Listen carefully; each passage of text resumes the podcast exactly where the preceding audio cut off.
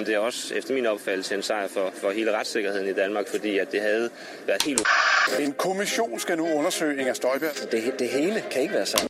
Den kommer jo til at betyde fra nu af, at vi alle sammen er kriminelle.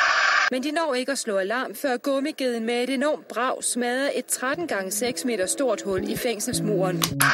Og vi ved så ikke, hvad der sker med den her domstol. Hvordan vil den tolke lovgivningen? Velkommen til Boblen. Mit navn er Veronika, og i denne her sæson, der undersøger jeg, hvilken rolle jura spiller for din og min dagligdag, og hvilke principper, men også udfordringer, der er på spil, når loven den skal udformes, og når den skal opretholdes. Og i dag, der gør jeg det sammen med jurist Christine Mose. Velkommen til dig. Tak.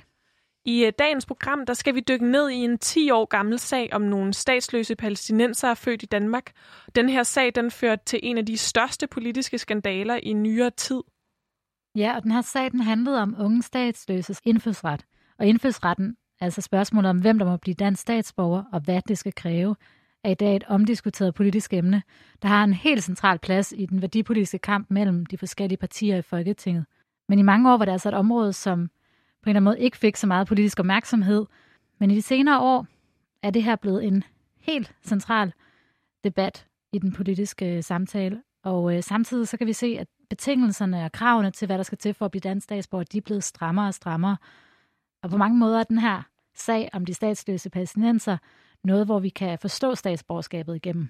Ja, vi synes, den her historie den er så vigtig, fordi den kan både hjælpe os med at forstå, hvad der er sket før i tiden, men også hvorfor statsborgerskab det grundlæggende er så vigtigt og så centralt, og hvorfor det måske også er blevet så, øh, så stor en debat øh, i dag.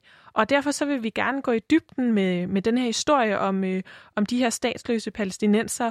Og Christine, du har talt med Ulrik Dalin, som var journalist ved Information tilbage i, i 2010-2011, og som sammen med sin kollega Anton Geist afdækkede den her sag. Og øh, de fik faktisk også i 2012 Kavlingprisen, som er en af de fornemmeste priser for journalister, for det her arbejde, fordi at det var en, en afsløring af, øh, af så stor en skandale at, og så stort et gravearbejde, at det simpelthen blev belønnet med den her meget fornemme pris.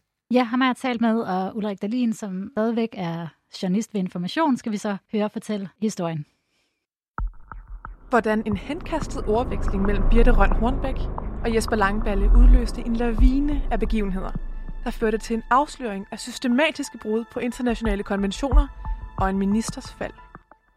Det startede med, at vi i efteråret 2010 fik en henvendelse fra et medlem af Folketingets indfødsretsudvalg, som hed Hanne Aersnap. Hun var SF-medlem, og øh, hun havde undret sig over en øh, ordveksling, som den daværende udlænding- og integrationsminister Birte Rønne Hornbæk havde haft med Langballe, som var medlem af Folketinget og også af indfødsretsudvalget for Dansk Folkeparti.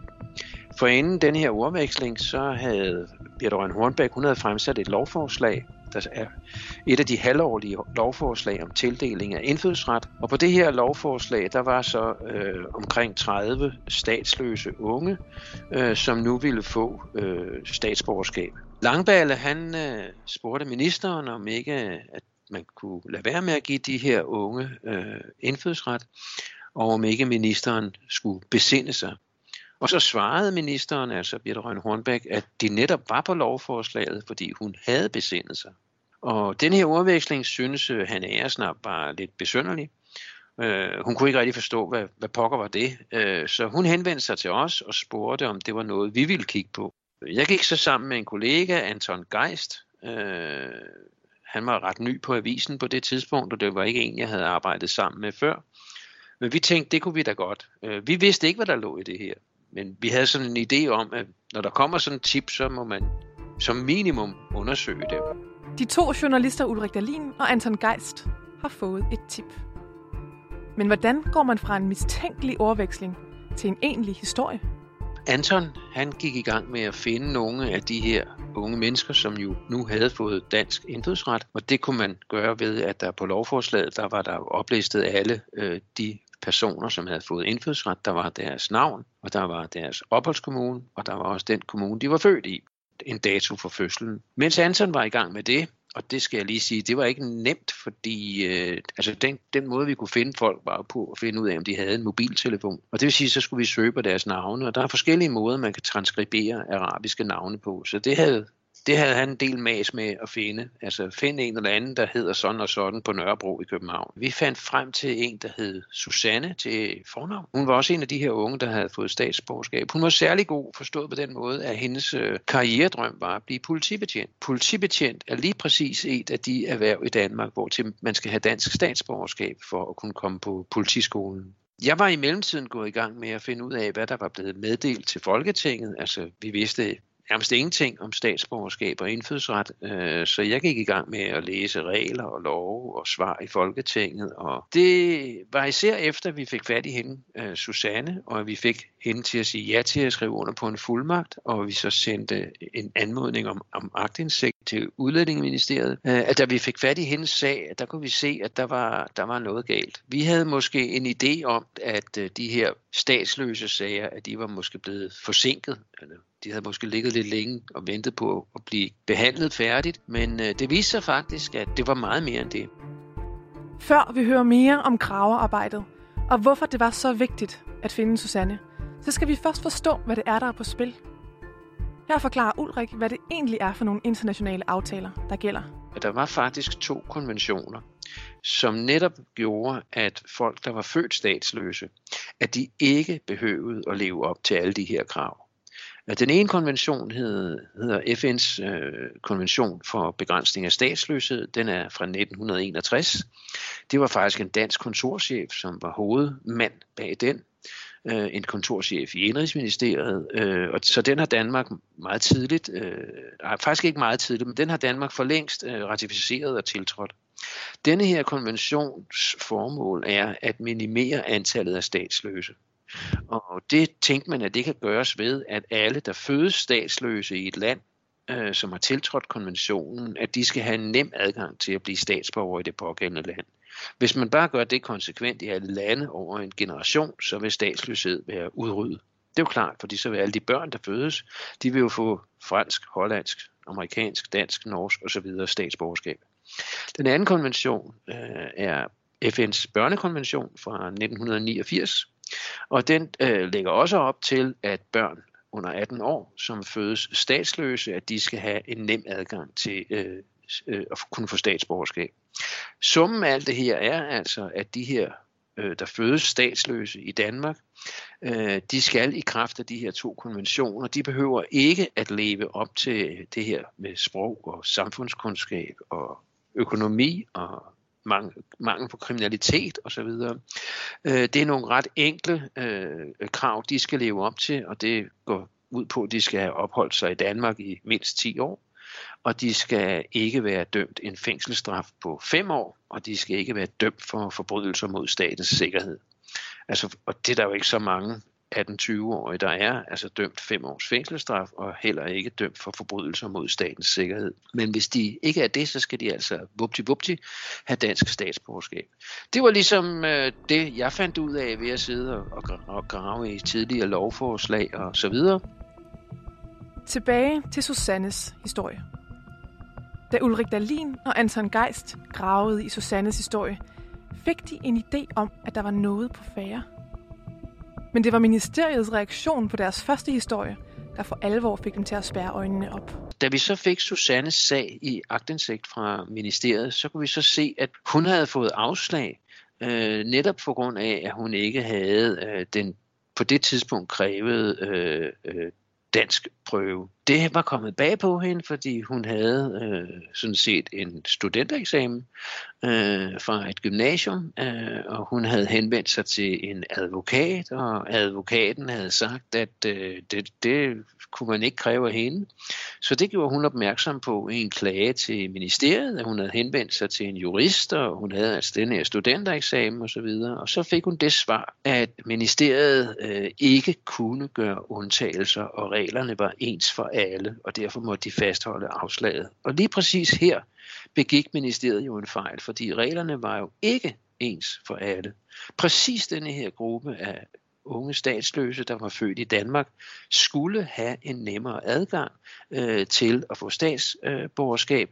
Og hvis man ikke gav dem det, ja, så handlede man altså ulovligt.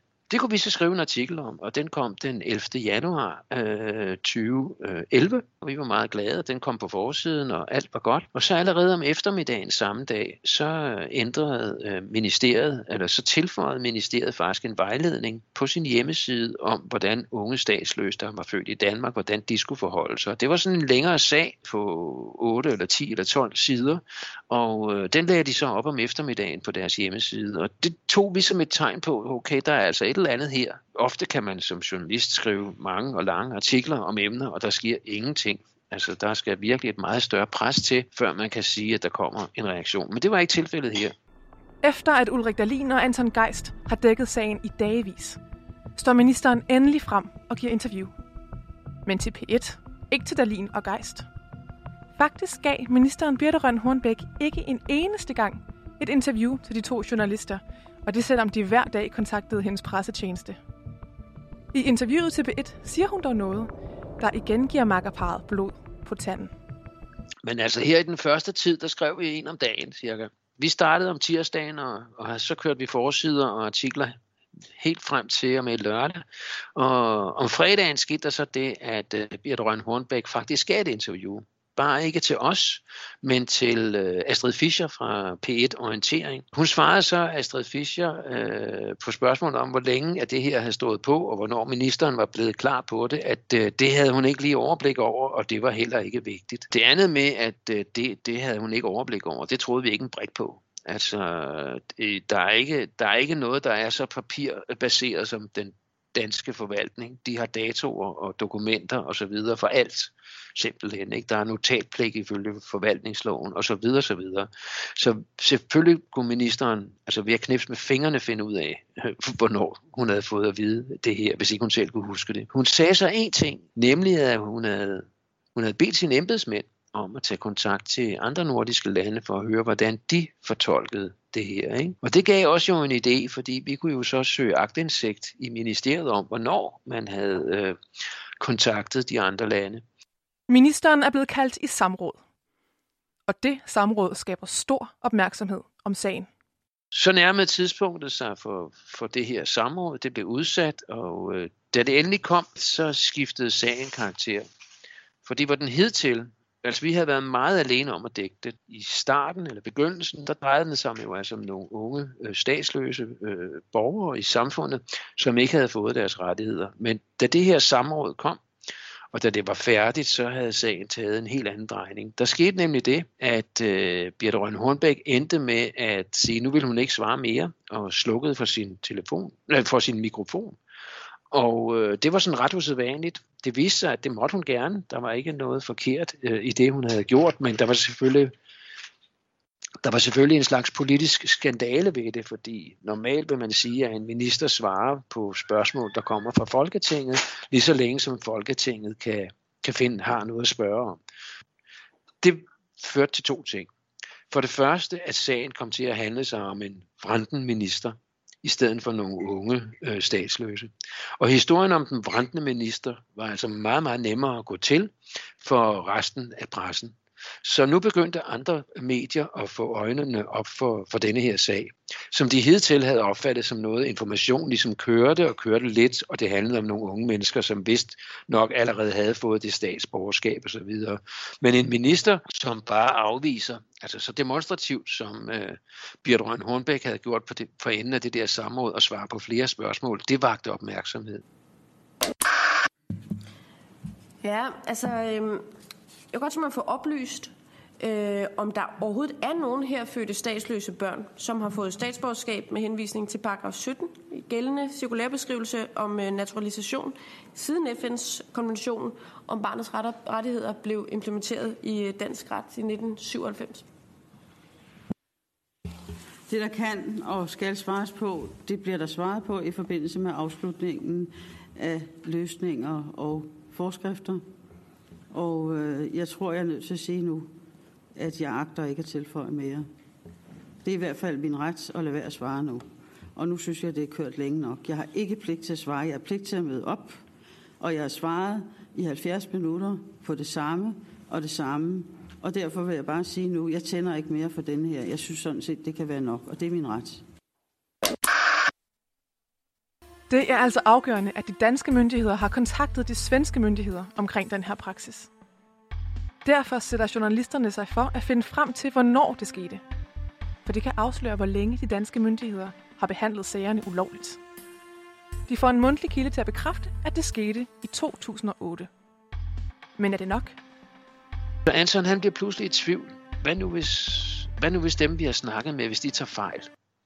Øh, vi har det jo faktisk kun fra svenskernes side, altså fra en side, at det er 2008. Der er ikke noget skriftligt i det materiale, vi har, der siger 2008. Så han kommer i tvivl, og han går op til vores redaktør, og han kommer også i tvivl, når jeg bliver rasende, og siger, at altså, hvis det var efteråret 2009, så havde, de der, så havde der ikke været nogen sag, så havde Birte Rønne Hornbæk sagtens skulle huske, hvornår hun fik det at vide og sådan noget. Det hele giver kun mening, hvis det er 2008. Ja, men det var de enige i, men altså på den anden side, vi kunne jo risikere at tabe det hele på gulvet. Så gik jeg så i gang med at undersøge, hvad pokker øh, man kunne finde ud af det. Vi vidste, hvad den pågældende embedsmand, departementsrådet øh, i Sverige, han var gået af, men vi havde hans navn. Øh, det var så ikke helt ualmindeligt, så når jeg søgte på Stockholmsområdet i en svensk telefonbog, så var der 16, der hed akkurat det samme. Og den første, jeg ringede til, det viste sig så at være rigtigt. Altså det var, det var sådan en ældre dame, der tog telefonen, og jeg undskyldte, jeg ringede, ringede herude på aftenen, men jeg var interesseret i at vide om den mand, der boede på nummeret, og han var tidligere departementsråd. Ja, det var han, og så fik jeg ham i telefonen og forklaret, og han siger så, at... Øh, at øh, så vidt han husker, var det 2009.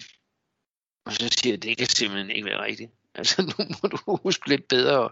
Ja, men han, så fik jeg overtalt ham til, at det var sgu nok 2008. Så gik jeg op til Christian og Anton og sagde, nu har jeg beviset, nu kan vi køre. Men det ud de selvfølgelig ikke, fordi de sagde, det er jo dig, der, det er jo dig, der overbeviser ham om, at det er 2008. Det er jo ikke, det er jo ikke, det er jo ikke ham, der... han starter med at sige 2009 på sådan en erindring. Nå, men det endte med, at vi kunne ringe til en anden og få det bekræftet, at det var 2008. Og det er så en, som vi ikke kan sige, hvem var, og så kunne vi køre historien. Øh, og det var selvfølgelig at bringe den op i fase 2, fordi nu var det jo helt klart, at øh, ministeriet altså, øh, havde, havde brugt mere end et år på ligesom at træde sig selv over tæerne. Nu ruller sagen. Ministeriet har i over et år vidst, at de behandlede ansøgninger om statsborgerskab til statsløse forkert. Men journalisterne mangler stadig at kortlægge, hvem der vidste hvad og hvornår. Og hvor stort ministerens ansvar var. Og så sker der det, at Anton og jeg, det lykkedes for os ligesom at bringe sagen op på et tredje niveau. Dem, der virkelig vil besked, det er jo dem, det er jo embedsværket i ministeriet. Så vi begyndte systematisk, altså uden for arbejdstid, at finde ud af at få ringet til nogle af de her embedsmænd og kvinder, for at høre, om de ville være med til at øh, fortælle os, hvad der var sket. Og det var lidt besværligt øh, altså at finde telefonnumre, som ikke var deres arbejdsnumre. Øh, men det lykkedes faktisk, og så lavede vi sådan noget med at give dem nogle øh, øh helt rene telefoner med taletidskort, øh, øh, sådan at de kunne tale med os, uden at det på nogen som helst måde kunne registreres i, altså af deres arbejdsgiver. Det lykkedes også at, at tale med nogen.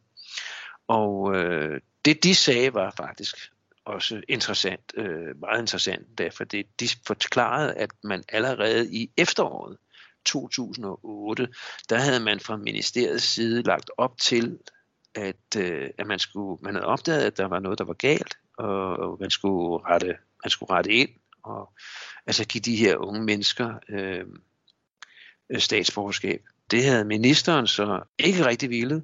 Altså hun havde sagt, at hun havde behov for mere viden om det, og derfor så skulle de kontakte øh, de andre nordiske lande og høre, hvordan at de opfattede denne her FN-konvention om begrænsning af, af statsløshed. Øh, faktisk spurgte man de nordiske myndigheder tre gange, altså ministeren blev ved med at sige, at når de måtte lige finde ud af, øh, altså endnu en gang at spørge og sådan noget der.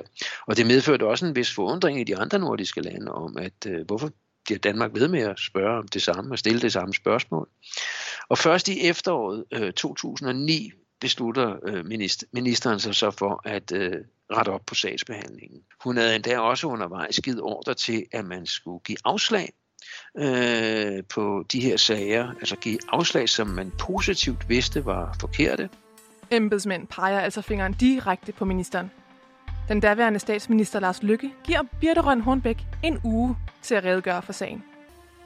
Og han har på sit ugenlige pressemøde den 1. marts 2011 en kommentar til information. Jeg har jo ikke bedt information om at lave en redegørelse. Jeg har bedt ministeren om at lave en redegørelse. Og jeg agter at forholde mig til den redegørelse, som ministeren har lavet, når den ligger på mit bord. Og ikke at forholde mig til alle mulige øh, mellemregninger. På samme pressemøde gav statsministeren Birte Røn Hornbæk en deadline. På det pressemøde øh, sagde statsministeren så, at, øh, at nu måtte øh, hvad hedder det, øh, Peter Røn Hornbæk blive færdig med den her redegørelse. Hun havde maks en uge til, var ministerens undersøgelse altså færdigt.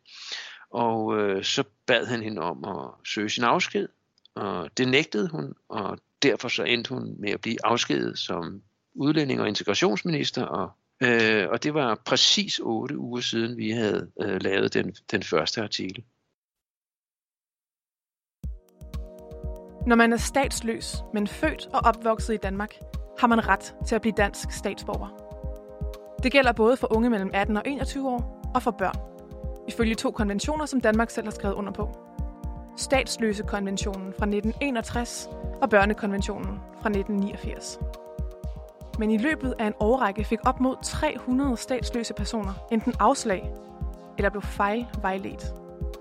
En henkastet kommentar fra daværende integrationsminister Birte Røn Hornbæk gjorde to journalister opmærksom på, at noget ikke stemte. Ulrik Dahlin og Anton Geist afdækkede sagen i over 100 artikler og vandt i 2011 Kavlingprisen for deres arbejde med sagen. Men hvad har sagen betydet sidenhen? Hvorfor er statsborgerskab sådan en grundpille i retssystemet? Og hvorfor var det så vigtigt, at de statsløse personer ikke kunne få statsborgerskab?